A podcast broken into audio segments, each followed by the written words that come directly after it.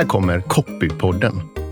Du som lyssnar, gör det för att lära dig hur du förvandlar läsare till kunder och gör ord till pengar. Jag som leder podden heter Mattias Åkerberg och är författare till copyboken och Sälj det med ord. Mer om mig och om den nya boken om copywriting hör du i slutet av det här avsnittet. I det här avsnittet möter du Fredrik Thunholm. Fredrik Thunholm är copywriter och vinnare av Guldskrift, det finaste priset som en copywriter i Sverige kan ta hem. Han har arbetat på reklambyråer som Jung von Matt, Young and Rubicam och Public Speaking. Och han skriver en blogg som heter Tänk på döden som innehåller lika delar klokheter, dumheter och roligheter. Han skriver också krönikor i affärsvärlden och jobbar idag på en mediebyrå som heter Wavemaker. Fredriks, som han själv säger det, arbetsklassiga grundinställning gjorde att han aldrig trodde att han skulle plugga på Bergs. Men se, det kom han att göra 1997 till 1998 för att vara exakt. Han har jobbat på Klarna också och har drivit egen byrå ihop med Martin dos Santos. Fredrik från Frista utanför Borås säger att han är en gammal gubbe trots att han med god marginal är under 50. Och han tycker fortfarande om att vara copywriter eftersom det är superhärligt att ha gränser. Det här är Fredrik Thunholm i ett snack med mig, Mattias Åkerberg. Fredrik, vad har du för råd till dagens unga copywriters? Oj, oj, oj, oj, vilken, vilken otroligt svår första fråga. Eh, gud, vad har jag för råd? Jag delar upp den i mitt huvud. Så vad har jag för råd för copywriters överhuvudtaget? Vad har jag för råd för unga människor överhuvudtaget? Eh, en del i mig tycker att det är förmätet att ens ge någon råd. Eh, en del tänker att så herregud, det är väl ett helt annat jobb nu än när jag själv var ung. Men ja, när det, när, med, dem, liksom, med det skitsnacket eh, ur mig så kan jag väl säga att, att eh, skriv mycket, läs mycket. Skriv mycket, läs mycket. Vi börjar med eh, skrivandet då, om vi ska dela upp svaret i, ja. i två delar. Vad tänker du, vad, vad lägger du i att skriva mycket? Eh, jag lägger att, att, här, att bli bra på hantverket. Eh, jag tror ju fortfarande på att det finns liksom behov av, av skrået copywriters och att inte alla är någon slags planner slash kreatör som, som man kanske få, få lite uppfattningar av när man träffar folk eh, som kommer direkt från skolor. Eh, att det kanske beror på att, det, att man liksom vill vill vara mer av en idémänniska eller strategiperson eller jag vet inte, kombination av dem då kanske. Men eh, nej, jag tror skriv mycket eh, och skriv varje dag. Skriv liksom hela tiden. Eh, starta en blogg, du behöver inte göra den publik, eh, men så här, ge dig själv en anledning att här, skriva saker så att du har en plats för det. Och läsandet, hur tänker du där? Läs, läs mycket. Läs, läs mycket, men, alltså, och det behöver absolut inte vara böcker, utan läs mycket som fan i vilket fall. Eh, det räcker att man är på vilket socialt medium man nu än är på. Jag är ju gubbe så jag är på Twitter, men så här, där får jag det är min primära nyhetskanal och inspirationskanal för att det finns det massa människor som är kloka på sina olika sätt som lägger upp artiklar och grejer. Så, att, eh, så att eh, jag läser nog mer i mobilen nu än vad jag läser i böcker. Men, men jag, som sagt, läs. Få inspiration. Det är ju liksom se på film också såklart och gå på museum också. Men jag, jag, tror verkligen att man, att man lär sig i sitt skrivande och i sitt idétänkande av att läsa bra saker som andra har skrivit. Tänker du att man bör dissekera texterna och plocka isär dem? Nej, det, nej absolut inte. Utan, utan läs dem bara, oavsett om det är skönlitteratur eller facklitteratur. Läs dem och sen eh, för allt i världen plåta trycktext med mobilkameran för att spara den eller liksom skriv ner den eller stryk under, sätt en lapp eller whatever. Men, men ta vara på det som är superhärligt eh, och fantastiskt och eh, skit i resten. Och bara ge det liksom, gör det inte till en plikt. Jag säger så jag sitter och säger att här, läs mycket, men återigen, det ska inte vara en plikt, utan läs för att det är sättet du lär dig saker på. Hur ser ditt eget bokläsande ut? Eh, nu har det legat, eh, gått ganska mycket i stå sista, sista året. Eh, jag har ju lite ambitioner om att, att, att, skärpa mig nästa år på många plan och en av dem är att läsa mer böcker. Och jag har faktiskt även, apropå att jag är eh, snart 50, jag har även eh, införskaffat mig läsglasögon precis nu. Och då kan man säga att då öppnades bokfönstret igen, så att nu har jag börjat läsa. eh, så nu håller jag på med eh, och det låter knäppt, men jag håller på och ett, eh, läser Bibeln från pärm till pärm. Tänkte att det där ska man ju ändå göra någon gång för att få liksom alla referenserna från förstahandskällan och sådär. Eh, och så håller jag på och läser om eh, Walden, eller Skogsliv vid Walden. Toros eh, eh, bok om en person som, som eh, alltså det är väl någon slags amerikansk frihetshyllning från 1840-talet. Eh, han är helt och hållet sig själv. otroligt, otroligt killig bok tror jag, men jag gillar den. När du läser Bibeln till exempel, mm. har du redan märkt och känt att det på något sätt har liksom spilt över på ditt tänkande eller skrivande i det du gör jobbmässigt? Eh, inte i det som jag läser nu. Liksom. Moseböckerna har jag hunnit en bit in i och det är ju, alltså, som sagt, det är ju tätt med, med liksom referenser, saker man känner till innan, men det är ju inte så jävla inspirerande precis, liksom ur någon slags skrivtekniskt. Samtidigt som eh, såklart Saltaren och, eh, och eh, Predikaren framförallt är ju liksom mina, bland mina favoritböcker som enskilda böcker. Eh, så där har ju, Predikan i synnerhet är ju liksom perfekt skrivet. Eh, och då återigen perfekt, eh, perfekt liksom översatt i flera led. Det är nästan en sån... Den aspekten är också jävligt fascinerande. Att så här, man har en text som är så himla himla bra och sen så är den då skriven på något språk och sen översatt till något språk och sen ytterligare översatt något språk och gått liksom genom 2500 år och fortfarande så här, toppen. Mm. Eh, och det hoppas jag ju att jag, eller så här, hoppas jag, men ja, jo men den finns ju. Det är ju något, framförallt tonläget i den som är så jävla bra. Eh, som jag försöker på bloggen liksom ändå få till. Behöver man vara troende, tänker du, för att Nej, läsa Bibeln? Nej, absolut inte för predikan eh, och inte för Bibeln heller. Som sagt, jag, jag är troende, men jag läser ju Bibeln för att jag som sagt vill, vill få eftersom den har påverkat så himla mycket av vårt tänkande och andra människors skrivande och tänkande så tror jag bara att det är en allmänbildande sak att göra. Liksom. Eh, på samma sätt som det finns ju, ja, det finns ju massor i någon slags allmänbildningskanon, men det här kändes mest angeläget precis just nu. Det finns mycket som jag aldrig kommer orka läsa, men det här tror jag ska ta mig igenom i alla fall. Mm. Finns det någon, är det några böcker som du har läst som du gärna skulle vilja läsa om och skulle vilja rekommendera den som lyssnar att också läsa? Eh, jo, men det finns väl eh, svårt att plocka så här favvisar. Eh, jag är ju jättesvag för Oscar Wilde eh, och tycker kanske mer, mer svag för personen Wilde och därför kan jag rekommendera Richard Ellmans biografi som är fantastisk och liksom ett, ett, ett konstverk i sig. Eh, men också eh, Wilds essäer framför allt är ju superduper bra och roliga. Liksom. Han är ju jätterolig såklart. Men också, också eh, han skrev ett, ett så otroligt, vilket var roligt för att det var så jag först, det var det första liksom jag sprang på och började läsa av Wild. Något som heter De Profundis, eh, med reservation för det latinska uttalet, eh, som är en så här, otrolig bitter uppgörelse med, med en älskare eh, som bara håller på och liksom är något karaktärsmord av en person som man samtidigt förstår älskar personen som han karaktärsmördar, som bara breder ut sig sida efter sida efter sida. Eh, så det, det var en väldigt så knasig men intressant sätt att komma in i, i liksom Wilds författarskap. Och balladen om fängelset i Reading, den här långa liksom, dikten när han är på absolut på botten. Liksom. Det, mm. Wild, absolut. Eh, och sen Eh, ja, men, eh, Svetlana Aleksijevitj böcker, eh, Tiden second hand och Tjernobyl och de här reportageböckerna, apropå otroligt språk och otrolig översättning, är också jätte, jätte, jättebra.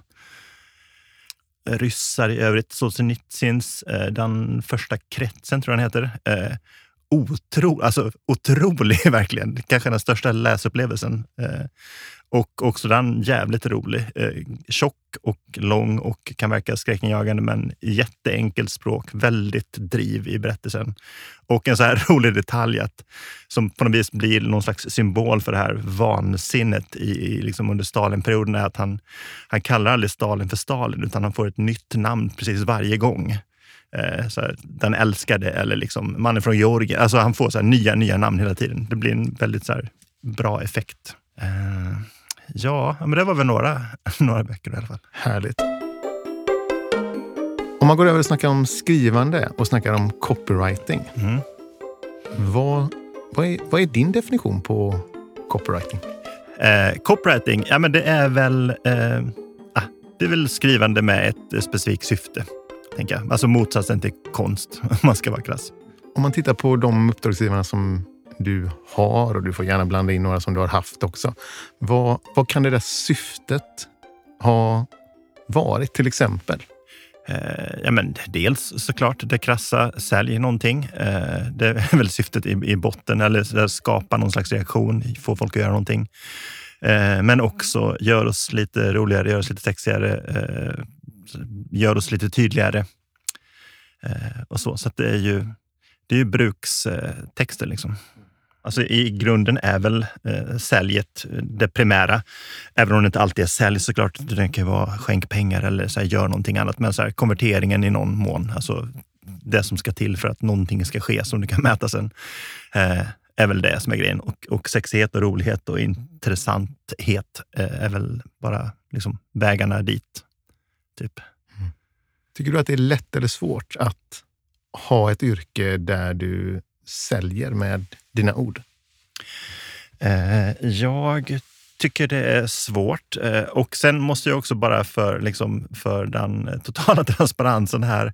Eh, jag är ju inte primärt copywriter i, liksom, i mitt värv idag. Eh, utan jag jobbar som strateg på en mediebyrå som heter Waymaker. Men jag är ju fortfarande förvisso i en bransch som säljer saker.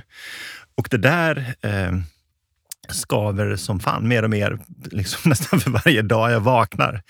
Eh, för att det är ganska, ganska uppenbart att, eh, att liksom, det kanske inte är fler saker som gör oss lyckliga och det kanske inte är liksom, tillväxt i traditionell mening som är det, vägen framåt. Eh, liksom. Eh, banala konstateranden och samtidigt pretentiösa. Men, men liksom jag det är någonting med det som inte, som inte är hundra. Och eh, samtidigt som jag liksom inte har den moraliska ryggraden att, att göra någonting helt annat. Liksom. För jag tycker det är så jävla kul. Både copywriter-delen av jobbet eh, och, och strategidelen. Eh, men såklart, man har väl, eh, eller väl, man har naturligtvis en, en plikt att ett, inte jobba med saker man absolut inte, inte tror på och två, försöka i alla fall påverka någonting i det man gör. Mm. Som strateg, vad skriver du för typ av texter idag? För du har ju en, du har ju en grund och du är ju, är ju copywriter. Eh, precis. Eh, jag tror att texterna idag är nog ganska mycket liksom i mitt huvud och vad jag har med mig som copywriter är väl ja, men ett, vana att eh, ta till mig massvis av information, att läsa mycket och att, att eh, förstå det jag läser. Och sen kunna göra någon slags story. För jag menar, om man ser man strategi utifrån en väldigt enkel, handfast eh, definition så är det ju egentligen att här, ta sig från en plats till en annan. Eh, så, så, enkelt och så svårt. Eh, och då tror jag att man ofta behöver en, någon slags story för det. Eh, och den storyn eh, är ju inte något, eh, någonting Hollywoodskt, utan det blir liksom, den landar i en powerpoint i, i nästan samtliga fall. Så att jag är väl jävligt bra på att göra powerpoints helt enkelt. För att jag är bra på att, att berätta stories. Mm. Det är nog så det hänger ihop. Kan du ge ett exempel på vad kan en story i en powerpoint vara? Eh, ja, men Powerpointen i sig är ju som en reklamenhet kan man säga. Eh, alltså du ska få mötesdeltagaren att känna och tycka och göra någonting när de har hört den. Så det är ju, alltså, eh, man går in i det med att vi vill att de ska tänka så här och vi vill påvisa de här sakerna och sen så gör man ju berättelsen utifrån det. Jag har ju ägnat i princip hela pandemitiden åt att pitcha, så att jag har liksom varit väldigt, väldigt mycket att inte vara bunden till liksom befintliga strategier eller, eller liksom någon slags löpande arbete, utan man har kunnat komma in på allting med nya fräscha ögon.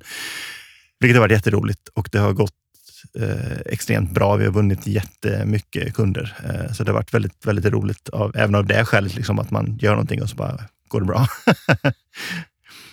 Eh, men jag vet inte om jag svarar på din fråga nu, i, liksom vad storyn i en PowerPoint är. Men, eh, du säger det, var ingen, det är ingen Hollywood-story, men finns det ändå en, en, en hjälte? Finns det en fiende? Finns det en konflikt? Är det så du bygger upp en story? För det handlar ju också om införsäljning, ska vi säga. Ja, ja, ja absolut. Eh, ja, det är ju införsäljning är ju hela syftet med det. Liksom. Och, eh, och Alltså det är väl att hitta någon form av konflikt. Liksom. Eh, eller någon, någonting som de, som de man pratar med borde vara lite rädda för eller att man täcker av någonting som de kan se eh, är liksom en möjlighet.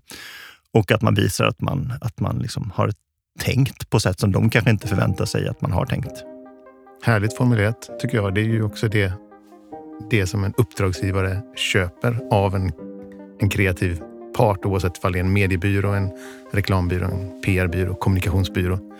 Absolut. Ett tänk som man själv inte har, har tänkt.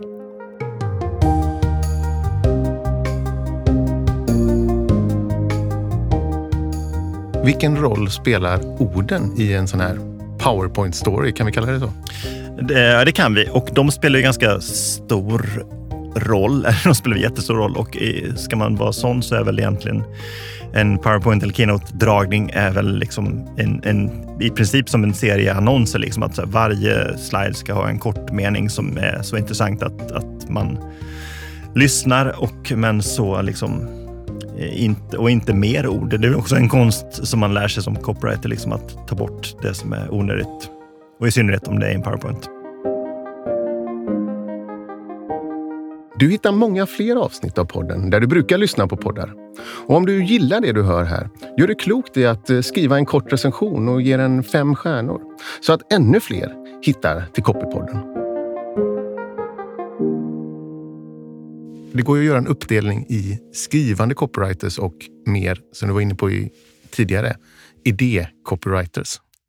Vilken, vilken av de lägren skulle du säga att du tillhör? Eh, alltså, om man kollar i track record och i exakt allt jag sagt nu hittills i den här, och sist vi pratade också, så det är väl en skrivande, liksom, eh, absolut. Men, och det tycker jag också är såklart eh, härligt att vara. Samtidigt som jag ju ändå tycker att jag är helt okej okay på att komma på saker också. Liksom. Eh, så att det, jag, jag, tycker det är jättesvårt. Eh. Vi ska akta oss för att förenkla för mycket här. Man är ju självklart både och. Ja, absolut. Men, men hej, jag menar återigen, eh, skrivande, absolut. Trivs du bäst med att skriva långt eller att försöka koka ner och skriva kort? Ja, båda två är rätt roligt. Liksom. Det är ju det är svårare kanske att eh, skriva långt eh, och hålla det relevant. Eh, samtidigt som det såklart är svårt att liksom, tratta ner någonting till, till lite också. Men det där är väl absolut en sån sak som man blir bättre på. Så att när jag var 25 så var det liksom jättejobbigt och svårt. Eller man fick gå flera gånger. Liksom. Nu, är det ju, nu har man ju det i sig på ett annat sätt. Så att tratta ner är inte så jävla svårt. Berätta, vad var svårt då, när du var 25? Ja, men att att eh, liksom kunna, kunna ta någonting och sen korta det utan att det liksom då, då var det mer, man skrev någonting eh, och så var man ganska nöjd. Eller man, jag. Jag skrev någonting och jag var ganska nöjd med det. Men så eh, liksom, kanske kom någon förbi och sa det där borde kanske kunna kapa ner eller så kom kunden in feedback och sa det eller så bara tänkte man själv. Och då var det svårt för att man, eh, jag eh, kanske var liksom lite kär i den första varianten. Medan idag är jag helt, eh, helt osentimental. Eh, Ja, det är väl nästan den största skillnaden faktiskt mot hur det var i början som copywriter. Att jag är, liksom blir inte kär i mina egna ord nu längre. Tyvärr kanske man kan säga, men också jävligt skönt. Vad är det som har hänt längs vägen som gör att du har blivit osentimental? Eh, alltså jag vet inte. Det är väl dels kanske eh, någon slags insikt om att, att här, det här är inte jag, det är något jag gör. Så att det liksom, jag, behöver inte, jag behöver inte lägga mig själv i någon slags vågskål, eh, utan det där liksom, det är ett jobb jag gör. Eh, det är väl en grej, och sen, men också liksom att, att, man, att man genom att man blir bättre och också ser att, att texten i det här fallet konkret då blir bättre av att bli kortare, så blir liksom, gör man det tillräckligt många gånger så blir man också mindre, mindre förälskad i första versionen, för man vet att det är en första version. Även om man har jobbat med den så vet man att så här, ja, men det här är en start. Ta oss med in i ditt skrivdokument. Hur ser det ut? Är det massor med liksom textingångar och idéer? Är det långt eller tar du bort när du inte tycker att det är bra att berätta? Eh, mitt skrivdokument är i, i Microsofts eh, förskräckliga, men eh, av vana använda eh, Word. Det, eh, jag har inte orkat göra någon slags standarddokumentmall, så att jag går alltid in och eh, skriver någonting och sen så markerar det och så byter jag typsnitt till areal och så byter jag eh, radavstånd till 1,5 och sen börjar jag skriva. och då skriver jag liksom börjar jag på massa ingångar och sen så gör jag ett antal mellanslag och sen så gör jag ett nytt försök och försöker liksom ha eh, man skriver en sak, kanske börjar på en annan tråd, att jag ändå ser dem i, liksom, uppe i datorn samtidigt som man kan så här, jämföra för sig själv. Och om, inte det, om det blir för långa texter som man ändå behöver ha koll på så gör jag då såklart eh, två dokument och har bredvid varandra så man kan här, se vad man håller på med fast man inte håller på med det. Så du testar flera ingångar i texten, olika starter, sätt att öppna? Eh, ja, det gör jag nog ganska ofta. Eh, för att det är någonstans där man har chansen, om man ska vara krass. Eller alltså, man behöver bevisa sig själv i varje mening, men då, om man inte, gör man inte det bra så behöver man inte göra resten bra heller, för då kommer ingen läsa det i vilket fall. Så det, och det tycker jag är rätt kul. Liksom. I alla fall om man har tid. Eh, ofta har man ju begränsat med tid, men har man tid så är det väldigt roligt att liksom, tänka fritt kring det här och liksom, försöka tvinga sig själv att liksom, göra på något annat sätt. Du och Magnus Jakobsson har skrivit en annons ihop och den handlar om en avokadokärna. Hur, hur kom det sig att ni två skrev en annons ihop? Ja, det kan man, kan man verkligen fråga sig. Eh, nej, men han eh, hade väl läst bloggen helt enkelt eh, och tyckte att, att den var bra. Eh, så då drog han ett mejl eller messengerchatt eller någonting och sa det. Så här, Hej, tycker du skriver toppen. Eh, känner du för att göra en, en eh, papercut-annons? Och det var liksom ingen, det var ingen brief i det alls, utan det var mer bara skriv någonting. Och jag menar, de sakerna han hade gjort för dem var ju också verkligen så här, skriv någonting. Eh, så då tänkte jag, ja men absolut, det är sure thing. Eh, det vore ju eh, knasigt att säga nej till det. Och så började jag skriva lite på min kant först och så skrev jag liksom någon version eller någon så här ofärdig text, men som ändå hade någonting, någon story i sig och så skickade han och så här, ja men kanske något sånt. Och så svarade han, ja jättebra, men kanske, kanske ändå lite för nära det som har gjorts. Liksom. Eh, vilket han nog hade rätt i. Så att även om jag försökte liksom frigöra mig ifrån, ifrån vad de var, så hade jag ändå fastnat i den fällan ändå. Eh, så då eh, började vi så här, liksom snacka på, på Messenger och sen så sa han, men ja, vi, vi gör det tillsammans. Då. Så jag har en, en, så här, en ingångsrad här och så var det här med, med eh, kärnan som fastnade.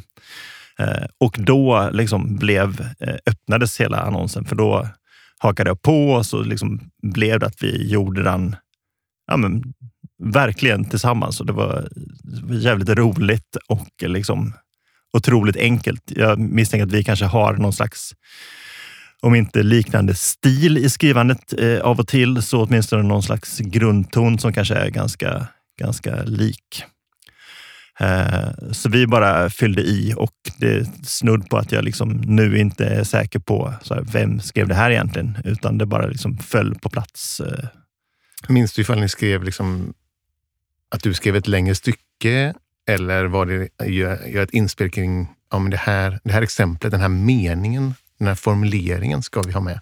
Eh, nej, men det var nog mer att jag skrev nog längre stycken och sen så eh, kom han med feedback eller strök något eller liksom la till någonting och sådär. Så att, eh, det var nog mer, mer så. Liksom. Skulle du säga att ni båda två hade nått det där stadiet när ni var osentimentala och prestigelösa?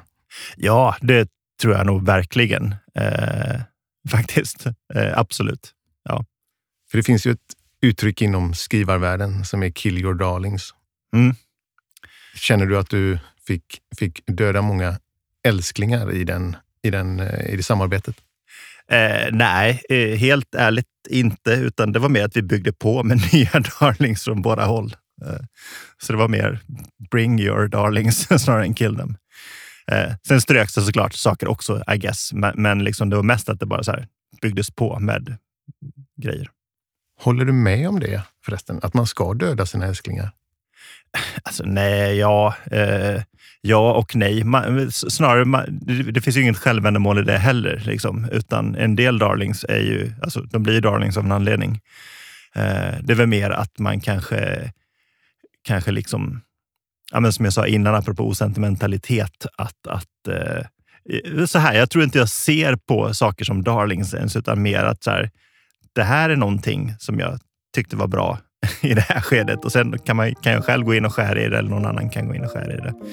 Och det är liksom inte det är klart, ibland blir man ju så superkär i vissa formuleringar liksom. och då kan jag slåss för det, absolut. Men, men det är fan inte ofta. Och då, i ärlighetens namn händer det mest nu när jag skriver på bloggen och då kan de ju vara kvar. Liksom.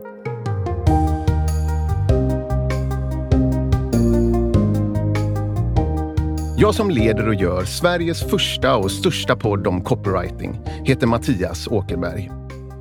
Jag är copywriter sedan över 15 år tillbaka och har sedan dess nördat ner i allt som har med konsten att skriva reklam att göra.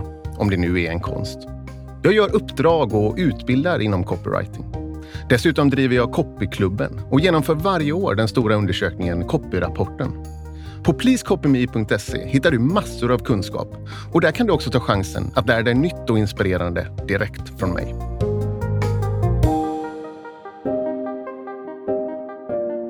När det ändå händer i ett möte med en uppdragsgivare, hur reagerar och agerar du när uppdragsgivaren vill ta bort en formulering som, som du ser som avgörande, som att den bör verkligen finnas kvar. Hur, hur agerar du då?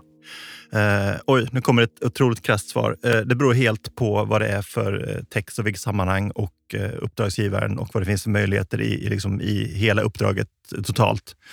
Eh, är det en text som jag vet att jag kommer så här, om jag får behålla den här formuleringen så kommer jag verkligen brinna och känna för den här texten eh, framåt. Och jag kommer liksom komma tillbaka till När Jag kommer visa den för folk när folk undrar så här, vad gör du som är copywriter? Har du gjort någonting? Jag bara, ja, den här.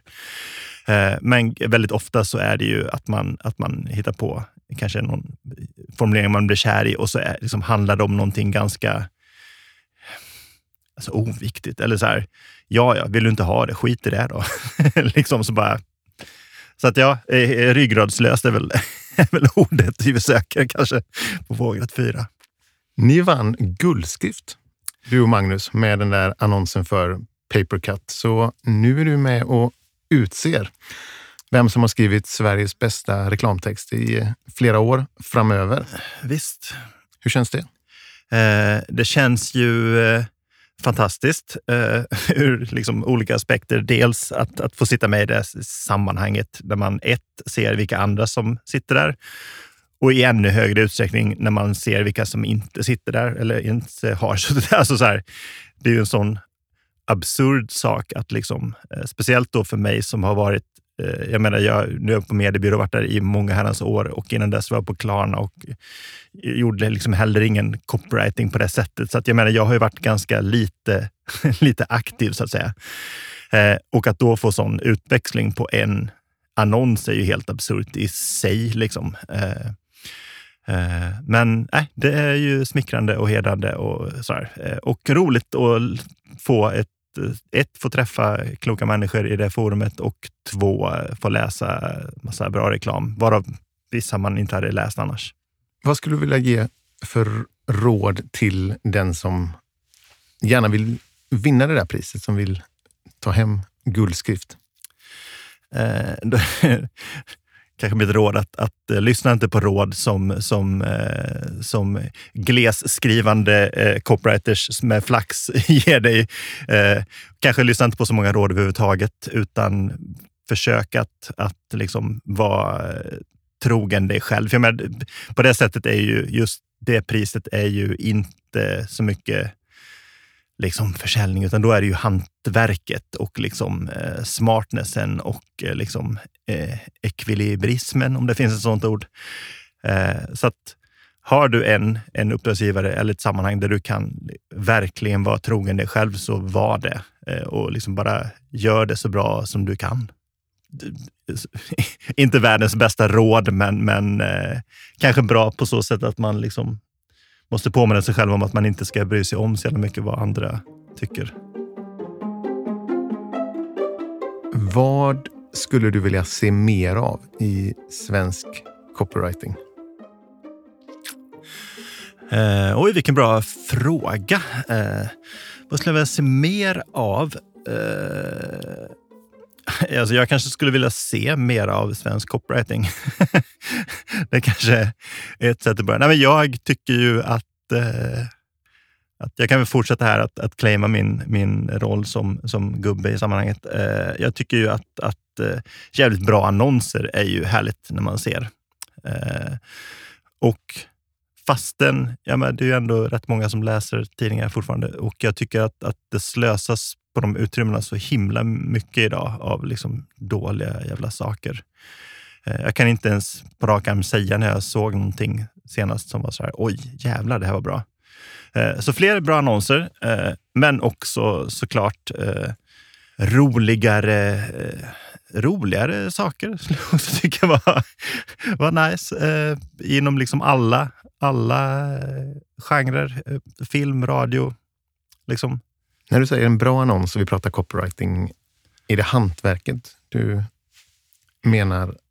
Eh, ja, alltså både och egentligen. För jag tycker liksom inte att en bra idé kan ju vara bra, men om det är en bra idé som bygger på att man ska komma till någonting i text så blir den ju inte bra om inte texten också är fantastisk. Och bygger den på en visuell idé så blir den inte bra om inte liksom, formgivningen och art directionen är, är jättebra. Så att, eh, jag tycker inte man kan skilja på dem egentligen. Och jag menar i vissa fall, alltså ta den där Papercut-annonsen, då var väl liksom eh, texten i sig var väl idén. Eller, alltså, du förstår. Vad... Och våga ha mer kul när du skriver. Ja, våga mer kul. Lita på dig själv. Oavsett om du är gammal i gamet eller om du är färsking.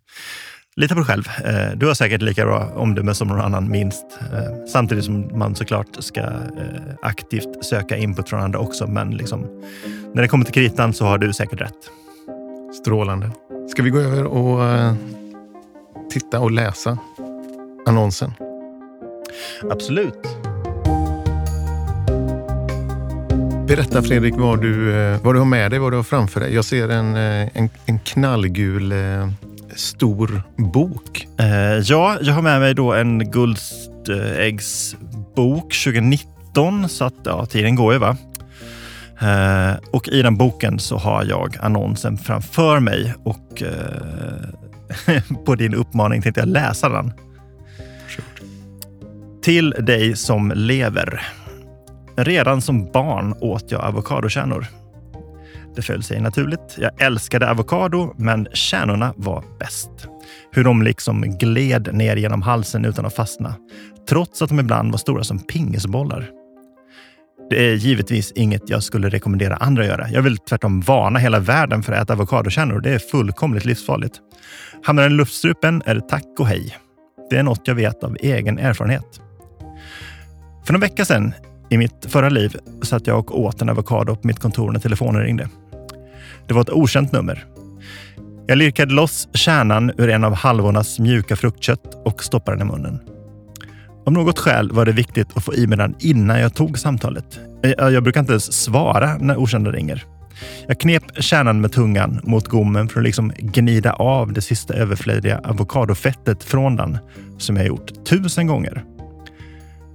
Något i stressen över att ta ett okänt samtal gjorde att finmotoriken brast och kärnan liksom slungades inåt.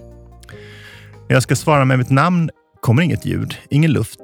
Jag hör, tror jag, ordet kapitalförsäkring ur telefonen innan jag tappar den. Jag är fem år och har bränt mig på en manet. 8. och tjongar en boll åt helsike när jag öppet mål. Elva och kär. 17 och går vilse i den svåruttalade staden Brno på tågluffen.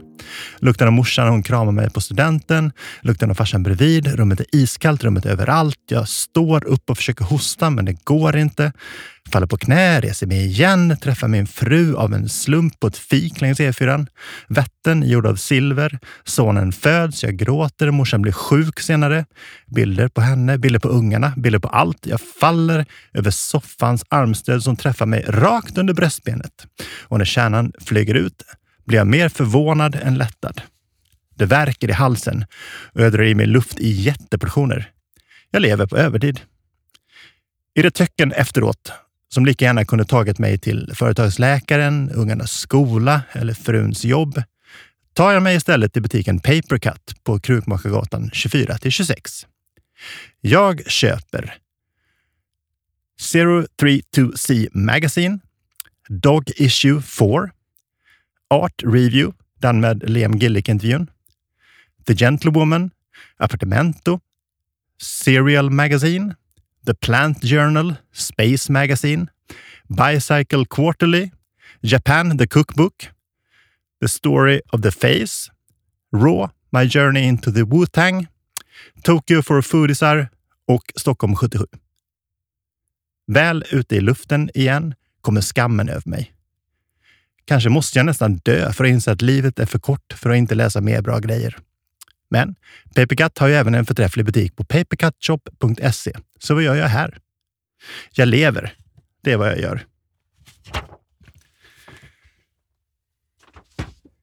Jag har av naturliga skäl aldrig läst den högt innan, så att det tog en jävla tid. Förstår man förstår hur lång text det är. Hur kändes det att läsa texten högt? Eh, speciellt för att jag som sagt inte brukar göra det annat än i, i kundprestationssammanhang. Eh, och extra speciellt här eftersom boken så här var ganska tung och jag sitter med en, en mick framför mig och måste hålla uppe boken och helst se texten. Eh, så att, ja, det var, det var, det var krävande. Du nämner din blogg som ju heter Tänk på döden. Vad är det för blogg och varför heter den Tänk på döden? Eh, det är en blogg som handlar om eh, vår tid, brukar tror tro att jag har skrivit någonstans om den. Eh, och den heter Tänk på döden för att ett, jag tycker att det är ett rätt kul namn. Två, jag tycker att det är en bra sak att göra. Liksom att så här, verkligen eh, memento mori-grejen. Tänk på att du är dödlig. Eh, och eh, apropå vad vi pratade om eh, i början här med predikaren så är ju det perspektivet där också, liksom att allting är förgängligt, ingenting består. Eh, och jag tycker att man blir liksom ödmjuk av bara den insikten. Sen hoppas jag att, att den liksom, namnet till trots handlar mer om livet, men det är ett, eh, och det var kanske också, jag sa ju innan som tips till folk att skaffa bloggar, även ifall man inte, inte gör dem publika, så att man har en plats där man kan skriva helt apropå att lita på sig själv, att skriva helt och hållet liksom, utan eh, filter och spärrar och synpunkter från andra. Det är inte säkert att det blir så jävla bra varje gång, men, men det, liksom, det blir också nästan en poäng att så här, nu vore det skönt att skriva någonting riktigt dåligt så man kan gå in i det nästa gång. Nästa post kommer bli bättre än det i alla fall. Du har hört Copypodden med Fredrik Thunholm som gäst.